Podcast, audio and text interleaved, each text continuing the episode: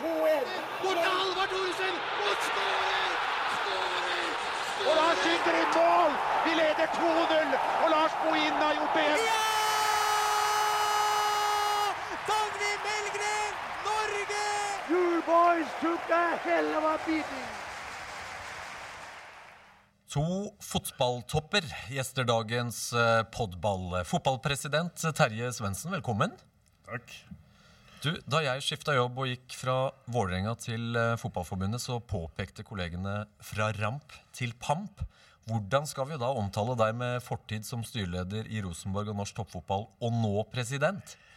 Jeg registrerer jo at jeg blir kalt uh, pamp som i enkelte miljøer, men uh, jeg syns faktisk at det var en god kombinasjon, det du ble kalt, så jeg håper jo at jeg blir kalt en rampete pamp. For jeg vil jo ha med meg også litt eh, humør og glede inn i det vervet her. Ja, men det er, eh, Dette er en god, eh, god start. Da får vi se om jeg klarer å følge den. Eller så kan det hende at det blir eh, Terje. Det er helt orden. Vår andre gjest er NFFs øverste administrative leder, generalsekretær Pål Bjerketvedt. Velkommen også til deg. Takk, takk. Selv om det er vinter og kuldegrader, så er det mer enn nok å, å gjøre om dagen. Fotballåret er godt i gang. Ja, det er jo litt av det paradoksale i denne bransjen, for å bruke det uttrykket. Vi har på mange måter den travleste tiden eh, inn mot jul og i de to første månedene etter eh, nyttår.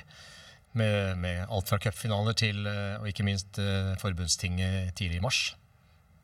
Ja, og til dere lytterne. Dere hører på Podball episode 22, spilt inn 30. januar. Og for de som synes at juleferien for Podball-redaksjonen ble i lengste laget, så, så er det vel vanskelig å være uenig. Men eh, nå er altså det nye fotballåret godt i gang, og i dagens Podball så skal vi bl.a. snakke om eh, fotballtinget i mars. Landslagsåret 2019. Dveler litt ved det som skjedde i fjor. Moderniseringen av NFF og eh, satsingen på jente- og kvinnefotball. Og ikke minst Qatar-VM. Men aller først, Pål.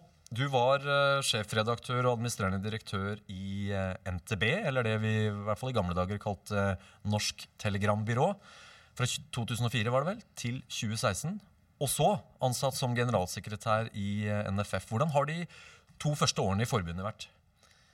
Ja, Først og fremst så har det disse to årene, det er to år nå 1. februar, gått veldig fort. Det er jo gjerne sånn når dagene er innholdsrike og arbeidsoppgavene er interessante. Eh, Først og fremst må jeg si at det har vært uh, veldig givende. Det har vært veldig uh, travle. Også veldig spennende dager. Og så må jeg samtidig også legge til at 2018 for meg personlig har vært litt annerledes i og med at jeg da fikk et uh, lite hjerneslag i, i mars. Og har, var helt borte fra, fra Ullevål og jobb i fem måneder. Så begynte jeg så vidt å jobbe tre dager i uka. Og var fullt tilbake igjen i både rolle og posisjon og 100, eh, 100 stilling fra, fra 1. november. Og siden har jeg vært i eh, full aktivitet igjen, og det føles heldigvis veldig bra.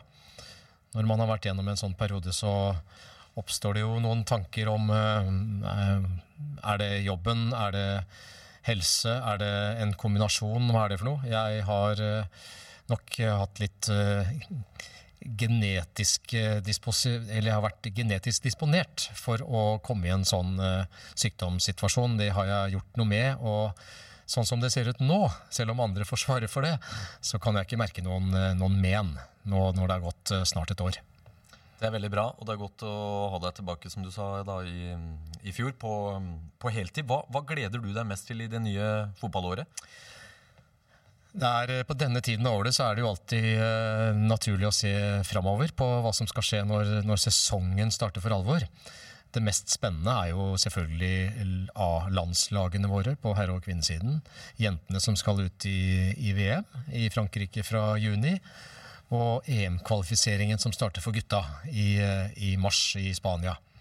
Det er det, det jeg umiddelbart tenker på. Og det er klart at eh, disse to turneringene vil prege mye av, eh, av hverdagen vår og mye av oppmerksomheten vår. Men samtidig så er det jo veldig mye å glede seg over i, eh, i både norsk landslagsfotball totalt sett og i klubbfotball, i barne- og ungdomsfotballen. Og alt det som skal skje eh, i, i løpet av, av 2019. Terje, Legg merke til at jeg sier nå Terje og ikke fra ramp til pamp. Yes, vi får se hvordan vi håndterer det Nei, videre. altså, jeg, jeg følger jo mest med på værmeldinga for tida. For at jeg var, På lørdag så var jeg til Norsk supporterallianse, og der eh, fikk jeg da en Vi hadde mange interessante tema, men seriestart var et definitivt eh, tema. Og det er jo sånn også at eh, det ble, vi går et spennende år i møte. Jentene skal ut i, i VM, og også av den grunn så starter jentene faktisk rekordtidlig med, i, i toppserien i år. 23. mars eh, er det, er det kickoff. Eh, og med de, liksom de snømengdene som på å komme nå, nå om dagen, så, så ser jeg jo det spent i møte. Men eh, altså, 2018 var jo på en måte tidenes eh, landslagsår da, med, med A herrer og A, A kvinner. Og også da fire al- aldersbestemte landslag i eliteserierunde. Elite, eliterunde. Og det danner jo grunnlaget for altså Det ble et kjempespennende år 2019 også. Vi skal heller ikke glemme klubblagene våre. Da Sarpsborg, som vel overraska mange i, gruppespillet i, i, i Europe League. Også Rosenborg var jo der. Og så har vi da Lillestrøm, også kvinner. Som også har en, en, en godbit til oss i mars, hvor de skal spille kvartfinale i Champions League i, eh, i, eh, i Barcelona først, og så på Åråsen. Eh, Sånn at vi har mange godbiter å, å glede oss til i 2019 som kommer. Ja, Du nevner jo litt av dette her, eh, eller dere gjør det begge. Altså 2018, et historisk bra landslagsår. Vi hadde jenter 19-landslaget som eh, spilte seg frem til semifinale i EM. Vi hadde G19 som kvalifiserte seg for eh, VM, altså U20-gutta skal spille VM i år. Vi hadde G17 som spilte kvartfinale. A-kvinner slo regjerende europamester Nederland og er klar for VM i Frankrike i sommer. Og så hadde vi A-herrer som vant Nations League. I sum fantastisk bra. Hva er, hva er hemmeligheten? Nei, Det er farlig også, altså det er i hvert fall farlig å begynne å hvile seg på, på laurbærene.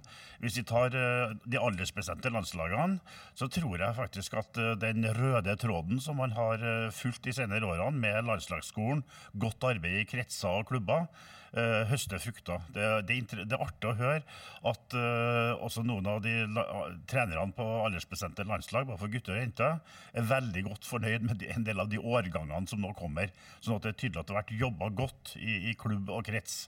Er det. Men så er det jo, er det, jo det også da få da de, de yngre spillerne til å ta det siste steget opp på A-lagsnivå, både på klubb og inn på, på landslag, som, som er krevende. Men uh, vi har jo vært i 2018 var vi jo ganske heldige både på, på herre- og, og, og kvinnesida at det var og spillerne spil, fikk spill på en del gode europeiske klubber, og også gode norske klubber, på, spesielt på kvinnesida, hvor vi har en god del norske, norske, norske, spill, norske hjemmeværende, hjemmeværende spillere. Sånn at uh, det, det er jo viktig at, vi ha, at, de, de, at de havner i klubber ute spesielt, da, uh, hvor de får lov til å spille.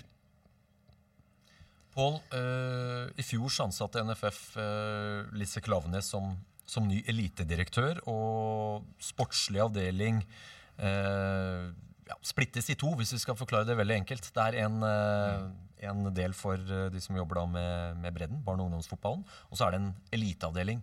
Uh, og så vil jo noen tenke at ja, men hvorfor må man justere noe når resultatene er så gode? Men du har jo vært opptatt av at det kanskje er nettopp da man må uh, tenke fremover og, og tørre å gjøre noen grep? Ja, La meg bare fortsette der uh, Terje slapp, rett og slett. Også det, jeg tror at ja, I tillegg til at vi har veldig dyktige trenere på, på de aldersbestemte lagene våre, og på A-landslagene, selvsagt, i Lars og Martin spesielt.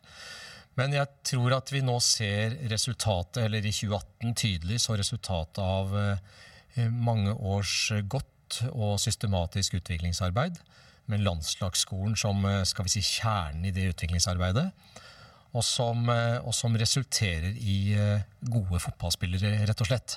På guttesiden så ser vi jo at flere av de faste unge spillerne på laget nå kommer fra nettopp den eh, landslagsrekken gjennom mange år, og vært en del av det utviklingsarbeidet. Og jeg tenker at når, eh, når vi nå er i en situasjon hvor, det, hvor vi registrerer det, og samtidig eh, presterer godt, så er det viktig å spisse den satsingen ytterligere og tydeliggjøre den siste delen i denne utviklingsfasen, som er inn, rettet inn mot toppen, de aller beste. Sånn at ikke vi blir nesten god, men at vi blir veldig god. vi får den, den muligheten til å ta det siste steget. Og det er på mange måter årsaken til at vi nå deler sporten i to. Hvor uh, utvikling og aktivitet, eller breddedelen, og toppfotball, landslag, som er elitedelen, får uh, e på egne vilkår utvikler seg der de skal bli best mulig. Og på elitesiden, som jo er den nye satsingen i år, så er målet å ytterligere styrke ressurser, kompetanse, og særlig det som er spisskompetanse eller nisjekompetanse i måten vi jobber rundt og med landslagene på, og hele utviklingskjeden vår.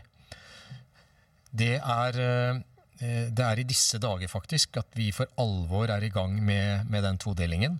Vi har, brukt et, eh, vi har brukt ganske mange måneder på å tilrettelegge for det. Hatt mange interne prosesser og diskusjoner. Og nå er vi der, og nå ser vi at eh, vi er i ferd med å etablere miljøer som som nettopp skal oss et, uh, ta oss et enda et steg videre. Jeg tror det er viktig at vi har i, i det perspektivet her også har med oss den internasjonale referansen. Uh, I Norge så har vi, jeg pleier å si at vi har nesten vært verdensmestere i breddefotball. Vi har en utrolig stor bredde, både av, av gutter og, og, jenter som spiller fotball. Men vi har over de siste årene ikke vært like gode til å hevde oss i, i elitefotball har vi ikke. Så, så det at nå NFF eh, sammen da, med, med, klubber og kretser og sånt, altså klarer å strukturere elitesatsinga er på høy tid. Altså, vi, det, vi, ser det veldig tydelig i kvinnefotballen, hvor vi var tidlig ute. Vi dominerte mesterskap. Men hvis du ser da på rankingen over, over, over år nå, så har vi falt tilbake. Så det er utrolig viktig nå at vi klarer å systematisere uh, elitesatsinga vår, sånn at vi igjen klarer oss å klatre oppover og bli med på, i mesterskap mesterskap. Vi eh, snakker jo stadig vekk om samspillet klubb, krets, NFF eh, sentralt. Har det vært litt av utfordringa i norsk fotball? At man har, eh, om ikke løpt i ulike retninger, i hvert fall ikke vært like samstemt alltid? Jeg tror det er en av, en av kjernepunktene uh, i, i, arbeidet. At vi, har, at vi nå klarer oss å jobbe imot felles mål. Altså, I min tid også i norsk toppfotball og også i norsk toppklubbfotball, så, så, så, har det vært en tendens til at man har vært seg sjøl nærmest. og det er, vel, det er, vel, kanskje sånn det, det, alltid vil være, men i hvert fall til, til at man i større grad tenker, tenker fellesskap og, og eh, da er enige om de felles målene. Men vi har fortsatt et stykke å gå, føler jeg, både i hele, hele fotballen, i forhold til at vi er enige om vi er stort sett enige om målsettingene men vi klarer ikke å bli enige om alle, altså hva er konsekvensen av de målene vi setter oss. Men der har vi gjort et stykke arbeid som heter Mot felles mål. Ja, og Det bringer oss litt over på noe som var kanskje det aller viktigste arbeidet NFF jobba med i, i 2018, Pål. Sammen mot felles mål, altså et strategiprosjekt. Det høres jo ofte forferdelig tørt og kjedelig ut, men uh, det er en grunn til at, uh, at det ble dratt i gang?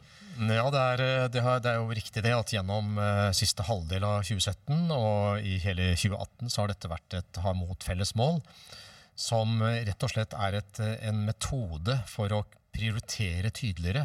Det er, det er jo litt, litt vanskelige begreper her for handlingsplanen vår. Vi følger jo en fireårig handlingsplan som, eh, som forbundstinget vedtar. Vi er i slutten av den nå i år. Det som er utfordringen med handlingsplanen, som egentlig er en strategiplan, det er at uh, den vil veldig mye. Den vil fantastisk mye på vegne av norsk fotball, både i toppen og i bredden. Det er bra. Men samtidig så må vi i administrasjonen være tydeligere på hva vi skal prioritere. Vi kan ikke gjøre alt på en gang, men vi må velge noe. Og det er den jobben vi har gjort. Og når du først har valgt noen fokusområder, som jo er eh, spillerutvikling, klubbutvikling og jenter, for å være helt presis, så, så, må du også sørge for at budsjettet henger sammen med prioriteringene og satsingsområdene. Og der er vi nå. Og alt vi gjør, alt vi gjør i hele vår organisasjon nå, er forankret i den prioriteringsmetodikken, for å bruke det. Det kommer inn i strategikartet vårt, som er begrepet vi bruker. Det står på en uh, prioriteringsliste nå for 2019. Og, har, eh, og blir faset inn, og, eller startet opp og gjennomført i ulike perioder av dette året. Ikke alt er ferdig på et år, men da går vi videre for neste år. Akkurat som det var i fjor. En rekke initiativ, særlig innenfor sport, krets, aktivitet, ble initiert ved starten på året, og som hvorav de fleste prosessene eller prosjektene fortsetter inn i dette året. Og da selvfølgelig fullt av budsjettmidler. Og så har dette også en annen side. Det er, dette er også en måte å jobbe mer systematisk på. Etter konkrete mål som evalueres, og som igjen ender opp i nye, justerte mål. Da er det mye lettere å måle er vi på rett vei. Har vi, har vi, satser vi riktig? Har vi de rette ressursene, både i forhold til penger og, og kompetanse? Hvis ikke vi har det, og hvis ikke det er viktig nok, ja, så parkerer vi det, og så gjør vi noe annet. Men da har vi hele tiden referanser å måle opp mot. Vi, vi, vi prøver ikke på nytt med et annet initiativ litt på måfå. Vi vet at det er på blant prioriteringene våre, og som er eh, forankret i målsettingene våre også. Dette høres kanskje litt teoretisk ut, men det er veldig enkel, en veldig praktisk enkel måte å jobbe på. Og som bør være en selvfølge i Fotballforbundet, eller et hvilket som helst annet, idretts, annet idrettsforbund, som det er i en eh, virksomhet, en mediebedrift om du vil, eller en aktør i næringslivet. Det er egentlig det som er det viktigste med dette her, overordnet, er nå å etablere en, en mer normal situasjon for virksomheten Norges Fotballforbund. Særlig da sentralt på, på Ullevål med våre drøyt 80-90-100 ansatte. Vi jobber sånn som de jobber og driver utviklingsarbeid og prioriteringer som, som andre virksomheter gjør, som er aksjeselskap f.eks. Det er fullt mulig hos oss også. Selv om, en, selv om det er selvfølgelig helt spesielle forhold i et idrettsforbund som ikke gjelder i næringslivet, så er den grunnleggende både evnen og viljen, og, ja, evnen og viljen til å gjennomføre prosesser og nå mål akkurat den samme. Men Terje, det vil jo alltid være interessemotsetninger i, i norsk fotball. Og NFF har jo en uh, monopolistrolle. Det er ikke alltid like takknemlig. Det er uh, mange som mener at vi alltid prioriterer feil. Hvordan forholder du og styret dere til hva det skal brukes penger på til enhver tid? Altså vi, altså rett, rettestor nummer én det er jo handlingsplan, som, som angir, angir, tre områder. Det, det er spillerutvikling, klubbutvikling og kvinner. Mm. er det, som, som, er retningsgivende. Og, og, da, og, For oss har det vært veldig viktig å sørge for at de prosessene som Pål nå beskrev, er, blir gjennomført. fordi at For oss, for, skal du si, det veldig enkelt, så er det å sørge for at vi, vi, prioriterer en del initiativ som sørger for at organisasjonen går i samme retning. Mm. Og, og eh, eh, med, den, altså med den, den, store krafta vi har vi er, vi er, en kjempestor organisasjon. Vi er 375 000 eh, registrerte spillere. Vi er utrolig mange trenere. Vi er, på festdager så pleier jeg å si at vi er rundt to millioner nordmenn som er engasjert på en eller annen måte i fotballen. Og hvis vi klarer å få alle sammen til å gå i tilnærmet riktig samme retning, mm. så vi en, øker vi gjennomføringsevnen og gjennomføringskraften vår voldsomt. Og så er det jo sånn at det er ulike interesser. Men der møter vi jo da det, altså, Vi har norsk toppfotball sant, som uh, interesseorganisasjon. Vi har Toppfotballkvinner. Vi har divisjonsforeninger som er på herresida. Så, sånn at vi, vi pløy, Og du har kretsene, da, som vi også skal, skal, skal Er det mye kjeft å få, eller? Jeg syns faktisk eh, var, altså Hvis man husker tilbake til 2016, så var, det, var, var NFF utsatt for veldig mye kjeft. Men jeg syns at vi har klart å, å dra dette her ganske godt inn. Altså det vi er uenig i, og vi diskuterer. Eh, men det er ikke så forferdelig mye kjeft å få. Men vi er fortsatt uenige om en del prioriteringer, og det skal vi være. For eh, det, det er alltid sånn når vi skal gjøre, lage budsjettene, så er ønskelista uh, langt større enn Det er akkurat nesten som med jul, ikke sant? Man ønsker seg Nå er jeg spent på sammenligninga. Tenker du nå på dine egne julegaver? Ja, ja. Egne, julegave, egne julegavelister. Den, den, går alltid over det man egentlig får. Men sånn skal det være. Ønske, ønskelista er mye større enn det som er til disposisjon. Ja. Ja, det må være en viss uh, dynamikk, samtidig som det skal være en sammenheng mellom ord og, og handling. Hva vi faktisk bruker penger på, og, og da strategiplanen. Kan jeg bare legge til, uh, i forlengelsen av det Terje nå sier, at uh, for å vise hvordan den systematiske måten å jobbe på henger sammen i, i, hele linja. Mm. Det er, det er det er, eh, er elitesatsingen vår et godt eksempel på. Mm. Som ikke er tatt ut av eh, løse lufta, men som er en direkte konsekvens av den måten å jobbe på. Altså en evaluering og en erkjennelse at vi på toppen, blant de aller beste, må bli bedre. Vi er gode, vi har vært gode, men vi kan bli enda bedre. Og vi, når vi ser på resultatene på A-herrer f.eks., de eller A-kvinner for den saks skyld, de siste årene, så har jo ikke det vært Vi har ikke nådd målene våre i handlingsplanen. Og da er erkjennelsen at vi må bli noe bedre. Hvilke områder må vi bli bedre på, er et av de spørsmålene vi har stilt oss. Og det er et av de svarene er at vi må bli bedre på organisering av toppfotball, landslagsaktiviteten vår, over tid. Sånn at vi er mindre avhengig av enkeltpersoner som kommer og går, men mer avhengig av systemet, strukturen, kontinuiteten som organisasjonen eier. Sånn at du kommer ikke inn som nyansatt i en eller annen rolle for å revolusjonere strukturen. Den ligger der. Men, Du skal gjøre en god jobb eh, innenfor den samme strukturen. Men så blir det jo veldig ofte en diskusjon om penger, mer enn om eh, måten å organisere ting på. Og For å ta ett område, da, jente- og kvinnefotballen, som vi jo nå har hørt at er et strategisk eh, satsingsområde. Der eh, hører vi ofte kritikere som sier at eh, NFF gir ikke de rette rammebetingelsene for jente- og, og kvinnefotballen. Er de fortsatt for dårlige, Terje? Eh, Det er fortsatt, mer nok å gjøre der, eh, er det. Eh, Men når det er sagt, så er det sånn at NFF kan jo ikke alene drive kvinnefotballen i Norge. På toppnivå så må det være klubbene sjøl som, som sitter i førersetet. På breddesida så føler jeg at vi etter hvert nå har god, god fart i kretser og klubber til å utvikle kvinnefotballen, mens, mens vi ser at vi har, har, sakka akterut på internasjonalt nivå, eh, i, på toppnivå. Eh, og der eh, har vi noe altså vi, Over år så har vi da tilført uh, mer midler, og vi har også da eh, satt, gjort et, eh, et stykke arbeid, annet eh, i, ja, i forbundsstyret. Blant annet vi har også satt ned Espelund-utvalget, som uh, har foreslått en rekke tiltak for å forbedre toppen, spissinga, eh, i, i norsk eh, kvinnefotball. Sånn at eh, til, på tinget nå, så, så vil vi få en bred debatt og også forslag til tiltak knytta til hvordan vi skal utvikle toppen av kvinnefotballen videre for at vi skal nå ambisjonene våre. For vi har som målsetting i handlingsplanen at vi skal være med å, å fighte om medalje i hvert mesterskap som vi deltar i. Og der har vi vært et stykke bort fra de siste, siste årene. Så vi ønsker oss tilbake til tronen der vi var. Pål, LSK kvinner snakka vi om i innledningen. Historisk kvartfinale mot Barcelona. Eh, landslaget klare for VM, men så hører vi Terje snakke om medalje. Det skjer jo enormt mye i, på den internasjonale arenaen. Både for landslag, men ikke minst eh, klubblag. Hva, hva gjør NFF konkret når det gjelder utvikling av jente-kvinnefotball? En ting er jo penger, men jeg tenker på konkrete prosjekter.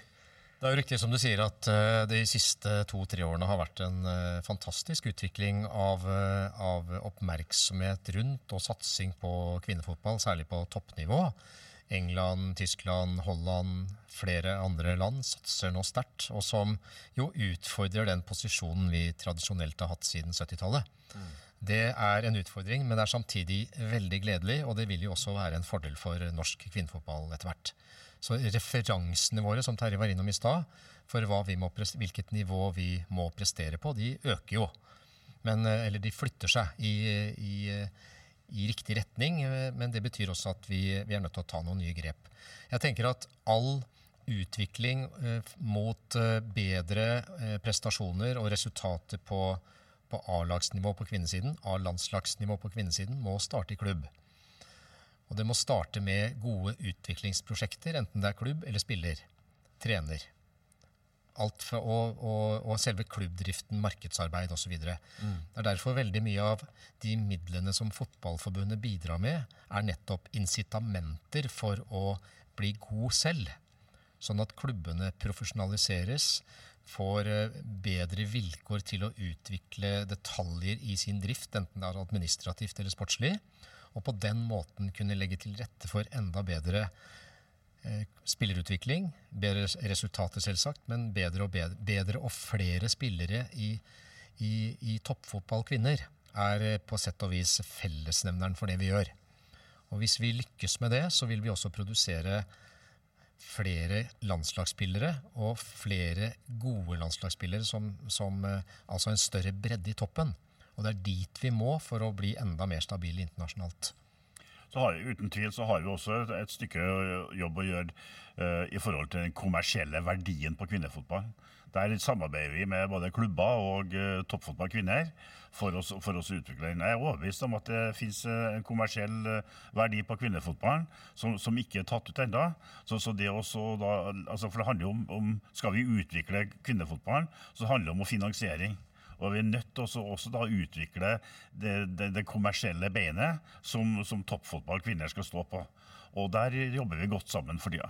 Og der har også NFF sammen med våre nordiske kolleger jobbet bevisst opp mot Uefa og, og Fifa. Det er klart, altså, det er jo 211 medlemmer i, i Fifa. og Regjerer Norge i Fifa, er det det du sier, Terje? og det, det, det, jeg skal virkelig fortelle at det er ikke alle av de 211 medlemmene som er like opptatt av kvinnefotball.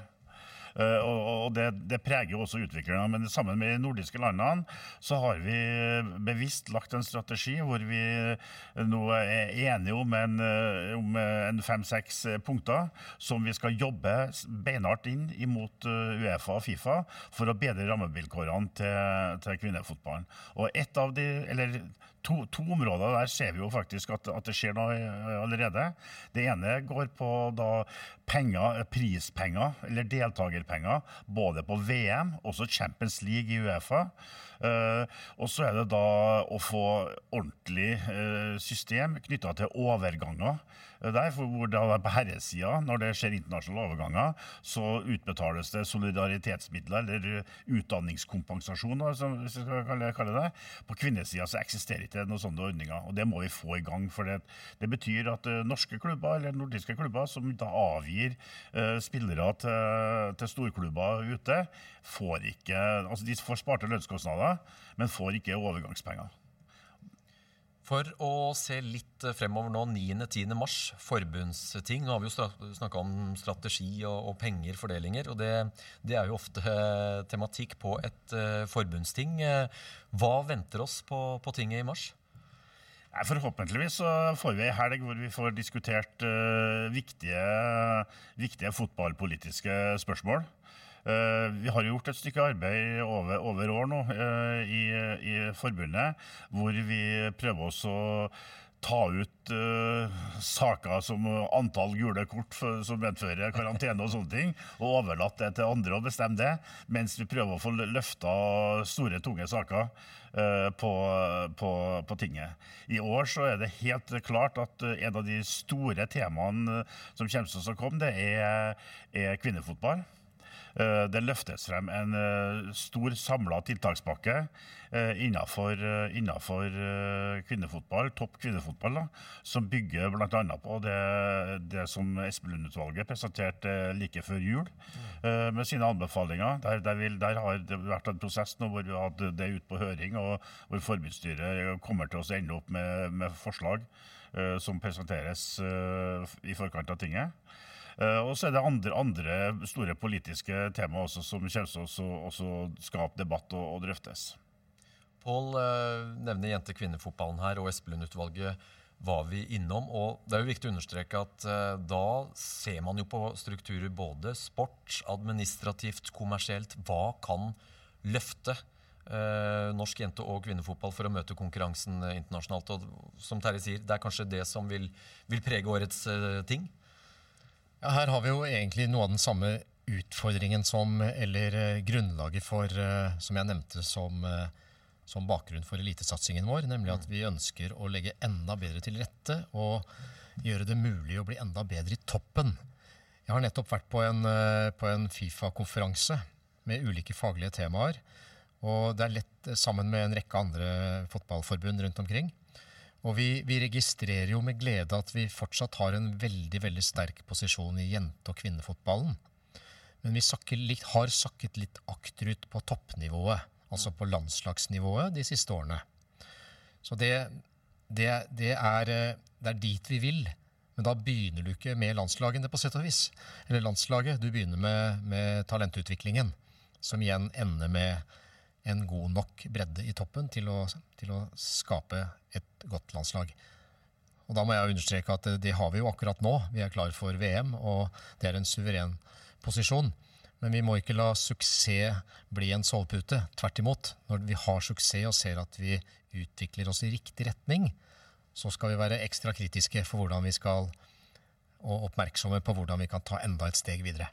Og grunnlaget er jo der. Mer enn 100 000 uh, jenter spiller fotball. Uh, desidert største idretten på, på jentesida. Så vi, uh, vi, bør ha mulighetene til å, til å hevde oss. Definitivt. Vi, har et utrolig godt utgangspunkt. Men uh, som Pål er inne på, altså det utfordringa. Det, det, skjer en rivende utvikling i kvinnefotballen uh, for tida. ikke sant? De, de, største lagene i Europa satser på, på, på, kvinner. Det er klart altså Når Real Madrid starter opp kvinnelag med et budsjett som omtrent på høyde med de største budsjettene i Eliteserien for herrer i Norge, så sier det seg selv at eh, det, det, kommer frem noen gode spanske landslagsspillere. Og det blir også et eh, ganske bra klubblag ut av det, som hevner seg Champions League for kvinner. Så, så, vi må passe på at vi ikke, ikke luller oss inn i, i resultater, men at vi jobber hardt for å utvikle oss videre.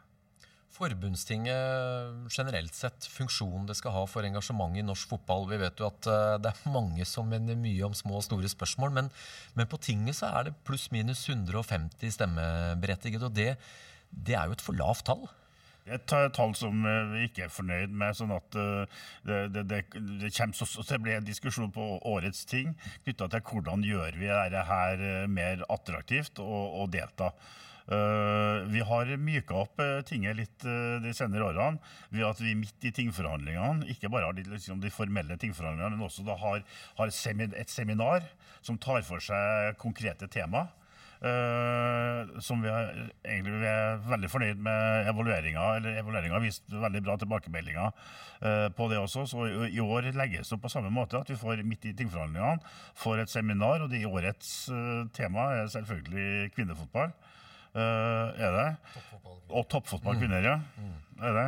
Sånn at det, vi må prøve å element, bygge inn elementer i tinget som, som, gjør at det blir enda mer interessant å komme og debattere fremtida i norsk fotball. Vi skal gjøre et stort sprang nå, eh, fra forbundstinget til eh, Qatar. Terje, vi var der for få uker siden. Eh, aller først, hvorfor boikotter ikke Norge klart og tydelig et, et VM i Qatar? Nei, altså for det første så altså vi, vi, har jo Vi skal jo ikke delta ennå, for å si det sånn. Kvalifiseringa har ikke starta. Ja, men det, det, det forutsetter jeg, da. vet du. så vi har, ikke, vi har ikke kommet så langt ennå at vi kan boikotte. Trodde du som gammel Rosenborg-mann var vant til å forskuttere? Ja. Ja, ja. Nei, vi har, eh, Sammen med våre nordiske venner så har vi bestemt oss for at vi ønsker oss å bidra til å sette eh, Qatar på dagsordenen. Eh, Qatar ble jo tildelt VM i 2010.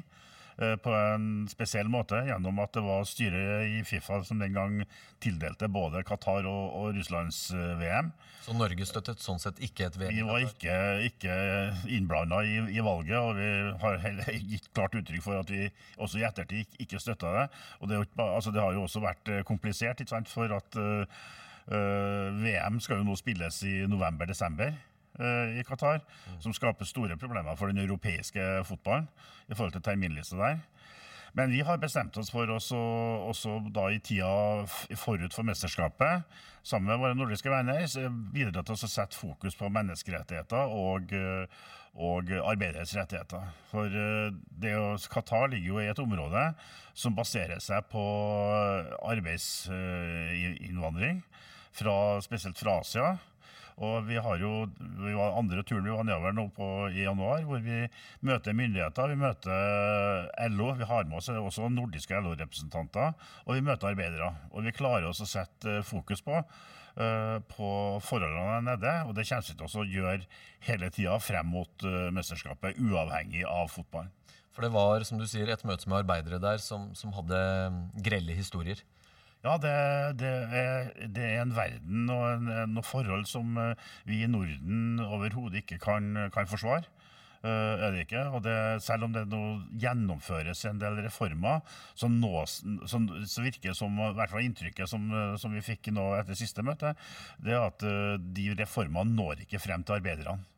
gjør det ikke. Sånn at det, det er mye å gjøre. Og eh, vi, vi skal sørge for at vi setter fokus på de dårlige forholdene, sånn at, eh, at uh, det- vi gjør det vi kan, kan, det lille vi kan, for å også, også forbedre. Men lille Norge, og, og selv om da våre nordiske venner er med på å um, øve et internasjonalt press, burde den internasjonale fotballbevegelsen, altså burde de store nasjonene engasjert seg mye mer? Jeg skulle ønske det, uh, men det er jo, det er jo sånn at uh, eh, altså de, de, de, verdiene som vi, som vi står på, er, er forskjellige.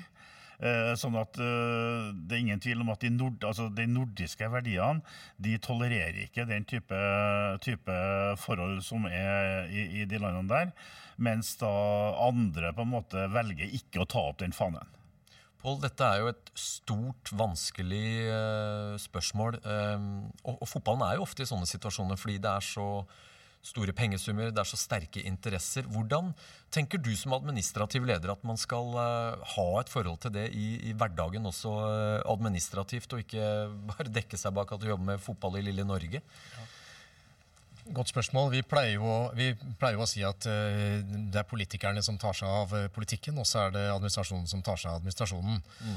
Men i hverdagen så er det jo litt annerledes. Det er klart at denne type spørsmål og problemstillinger, Russland, Qatar, er noe som engasjerer eh, alle i fotballen, og spesielt her på Ullevål, med, med alle som jobber i vår organisasjon. Men det er, eh, det er vanskelige temaer, og det er, det er Når vi kommer litt ut i Fotball-Norge, så blir dette litt langt unna, hvis du forstår hva jeg mener.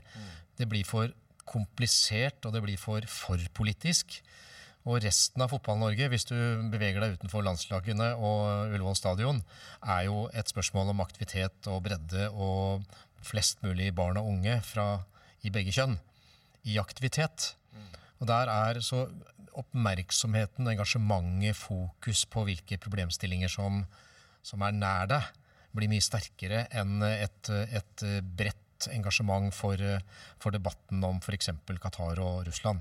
Og Derfor er det så viktig at, tenker jeg, at at forbundsstyret, at presidenten, er den som eh, så tydelig tar pos posisjon og målbærer våre standpunkter eh, rundt eh, disse vanskelige problemstillingene. På, på vegne av fotballen på mange måter. For det er jo ikke på vegne av styret, men det er på vegne av fotballen i Norge. Og dette handler jo litt om, om uh, samfunnsengasjementet til uh, NFF internasjonalt når det gjelder uh, Qatar. Og der har vi jo en rekke prosjekter eh, Pål, som eh, foregår i, i mange land. I og rundt Midtøsten f.eks. Ja, det er, eh, det, er, det er et veldig interessant eh, tema. Fordi jeg er rundt omkring og holder foredrag og presentasjoner ganske ofte.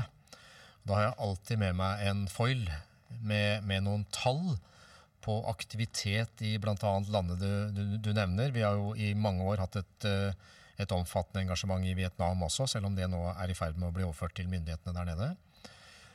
Men det er også et enormt antall tall trenere som har fått utdanning via våre midler. Det er eh, et enormt antall barn, unge, som er i aktivitet ukentlig gjennom våre aktiviteter. Og ikke minst jenter. Og, ikke, og ca. halvparten er eh, jenter, eller i noen eh, prosjekter og land så er det, er det bare jenter. Det er, det, er eh, det er et fantastisk engasjement, det er et fantastisk initiativ, og som selvsagt er avhengig av midler fra, fra partnere som UD, UD og UDI osv. Men som, eh, som har en enorm oppmerksomhet og betydning i de landene det foregår litt liten oppmerksomhet hos oss, og det må vi jo for så vidt ta litt av skylden for sjøl. For dette er eh, et, en viktig del av vårt, eh, av vårt samfunnsengasjement, rett og slett. Jeg må ta skylda for det. Det kom jeg plutselig ja, på. og, det, og det engasjementet, det, det har ingen Fotballen har ingen grense på den måten. Det er like viktig for oss å, å bidra til utvikling av fotball, og spesielt jenter i fotballen, i Midtøsten som det er i Norge. Ja. Det er jo det som er det fantastiske med fotball. ikke sant? Altså når, når man slenger ut en fotball på, på ei slette, så vet alle sammen eh, hva man skal gjøre med den. Men så er det jo sånn, ikke sant, i en del av disse landene så har jo heller ikke jentene anledning til å spille. Eh, Sånn at Vi er jo så heldige at vi blir spurt av da, norske myndigheter om å delta i, i prosjekter som er med å åpne opp og, og, og endre og fjerne barrierer. Og Vi, vi kommer fortsatt til å satse på dette. Vi eh, diskuterer allerede også sammen med noen av våre nordiske land å gå sammen med Fifa og gå enda mer inn i Midtøsten og satse på, på kvinnefotball. Og nærmere å bryte barrierer i, i, i den regionen. Og Pål, samtidig som vi må bli flinkere til å fortelle den historien om hva vi gjør, så, så er vel ikke du som gammel pressemann heller overrasket over at, uh, at det er et konstant press mot NFF, Fifa og fotballen for at et VM eksempel legges til Qatar. Er ikke det rett og rimelig? Jo, altså jeg, eh, Du spurte meg innledningsvis om eh, overgangen fra, fra media til fotball. Og som jeg har sagt i mange sammenhenger, så føler jeg noen ganger at jeg fortsatt jobber i media. Eh, På hvilken måte? Nei, fordi fotballen får veldig mye medieoppmerksomhet. Det skal vi selvsagt Ikke alt er positivt, men hvis vi ser landet over ett, og medieomtalen over ett, så er det jo 99% aktivitetsbasert og veldig positivt. Og til, til de grader synliggjør den aktiviteten vi står i sentrum for å, for å organisere. Men noen ganger så er det selvsagt også eh, et sterkt engasjement der ute som eh, blir gode mediesaker. Det må vi eh, nok finne oss i. Vi må ikke være så engstelige for det. Det at det er engasjement og debatter og synspunkter i ulike retninger, det er bra. Det må vi være tilfreds med. Og så har vi heldigvis opplevd i 2018 at en del personkonflikter og mer sånn type krangling, som, eh, som kanskje særlig året før var preget av, har blitt eh, vesentlig mindre. Det er, ikke, det er ikke så mye av det lenger. Vi, eh, vi ønsker jo ikke at alle bare skal skrive pent om oss. Vi ønsker debattene, men vi ønsker de på og forhåpentlig mest mulig om aktivitet og prioriteringer og det som gjelder enhver organisasjon, fotball eller ei. Du nikker, Terje, og du gikk jo på talerstolen i sin tid på, på ting og snakka om, eh, om nådeløs åpenhet. Jeg mener jo, altså, Litt av det vi holder på med i NFF og har gjort de siste årene, det er jo også å modernisere en idrettsorganisasjon. For Etter min mening, så, så, som jeg også sa da jeg tiltrådte i 2016, så har idretten hunget etter på mange områder i samfunnet. eh, og i forhold til samfunnsutviklinga. Og bl.a. også i forhold til åpenhet og innsyn og, og, og den type ting. For at eh, verden i dag den er mye mer transparent enn den har vært eh, tidligere. Og, og vi er nødt til å utvikle oss i takt med omverdenen. Men der har idretten eh, eh, ikke klart å, å holde tritt med. sånn at mye av det vi med, har jobba med i NFF, har vært på en måte også, også egentlig tilpassa sånn som omgivelsene forventer at vi skal være. Og har da åpenhetsdebatten for eksempel, i norsk idrett vært både nødvendig og en, og en slags vekker? Jeg tror det var helt nødvendig. Eh, Jeg tror, altså jeg tror vi skal takke Verdensgang, som egentlig satte i gang den, og, og, og, og fikk den eh, virkelig på, på agendaen. Eh, Vi brukte jo en par måneder på å bestemme oss for hvordan vi skulle håndtere den, som til og med vel, fikk aksept for at vi kunne bruke. Sånn at jeg, jeg syns det var helt betimelig, og jeg syns at alt, alt vi gjør, det må vi kunne, kunne stå for. Og vi har ikke noe problem med å være åpen. Og så og respekt, føler jeg at media respekterer også de grensene som vi setter av, av personalmessig og eller konkurransemessig hensyn, eh, som, som vi ikke kan vise fram alle detaljene på. Og det er eh, løsbart i hverdagen, Pål. Ja, dette, dette syns jeg er et veldig viktig tema å komme innom. eh, Og som jeg, jeg opplevde starten, eller da jeg begynte her for to år siden, så var åpenhet, god kommunikasjon, en av de viktigste oppgavene jeg ble tildelt av, eh, av styret, for å si det sånn. Og nå to år etter så, så må jeg si jeg er stolt av den eh, åpenheten vi praktiserer. Vi kan sikkert alltid bli bedre, og det er jo den, den, vi må ha med oss, den innstillingen vi må ha med oss i hverdagen. Men vi har fått uh, god respons på måten vi kommuniserer og måten vi praktiserer åpenheten på, både nasjonalt og internasjonalt, og det har vi tenkt å fortsette med. Og som eh, gammel eh, mediemann så er det jo selvsagt noe som gleder meg. Det er godt å høre. og Nå er eh, fortsatt noen uker til fotballtinget. Da blir det debatt. Og jeg kan jo love de som hører på, at både Terje og Pål kommer til å sitte i podballstolen også med andre gjester som mener noe helt annet enn dem selv. Det håper jeg at podball har vært et bevis på så langt. Jeg tar en kikk på klokka her, fordi vi snakka om, eh, om tidsaspektet for denne podballutgaven. Da snakka vi om 30-40 minutter. Da kan du opplyse om at vi nå passerer 45. Det er jo velkjent eh, fotballtid.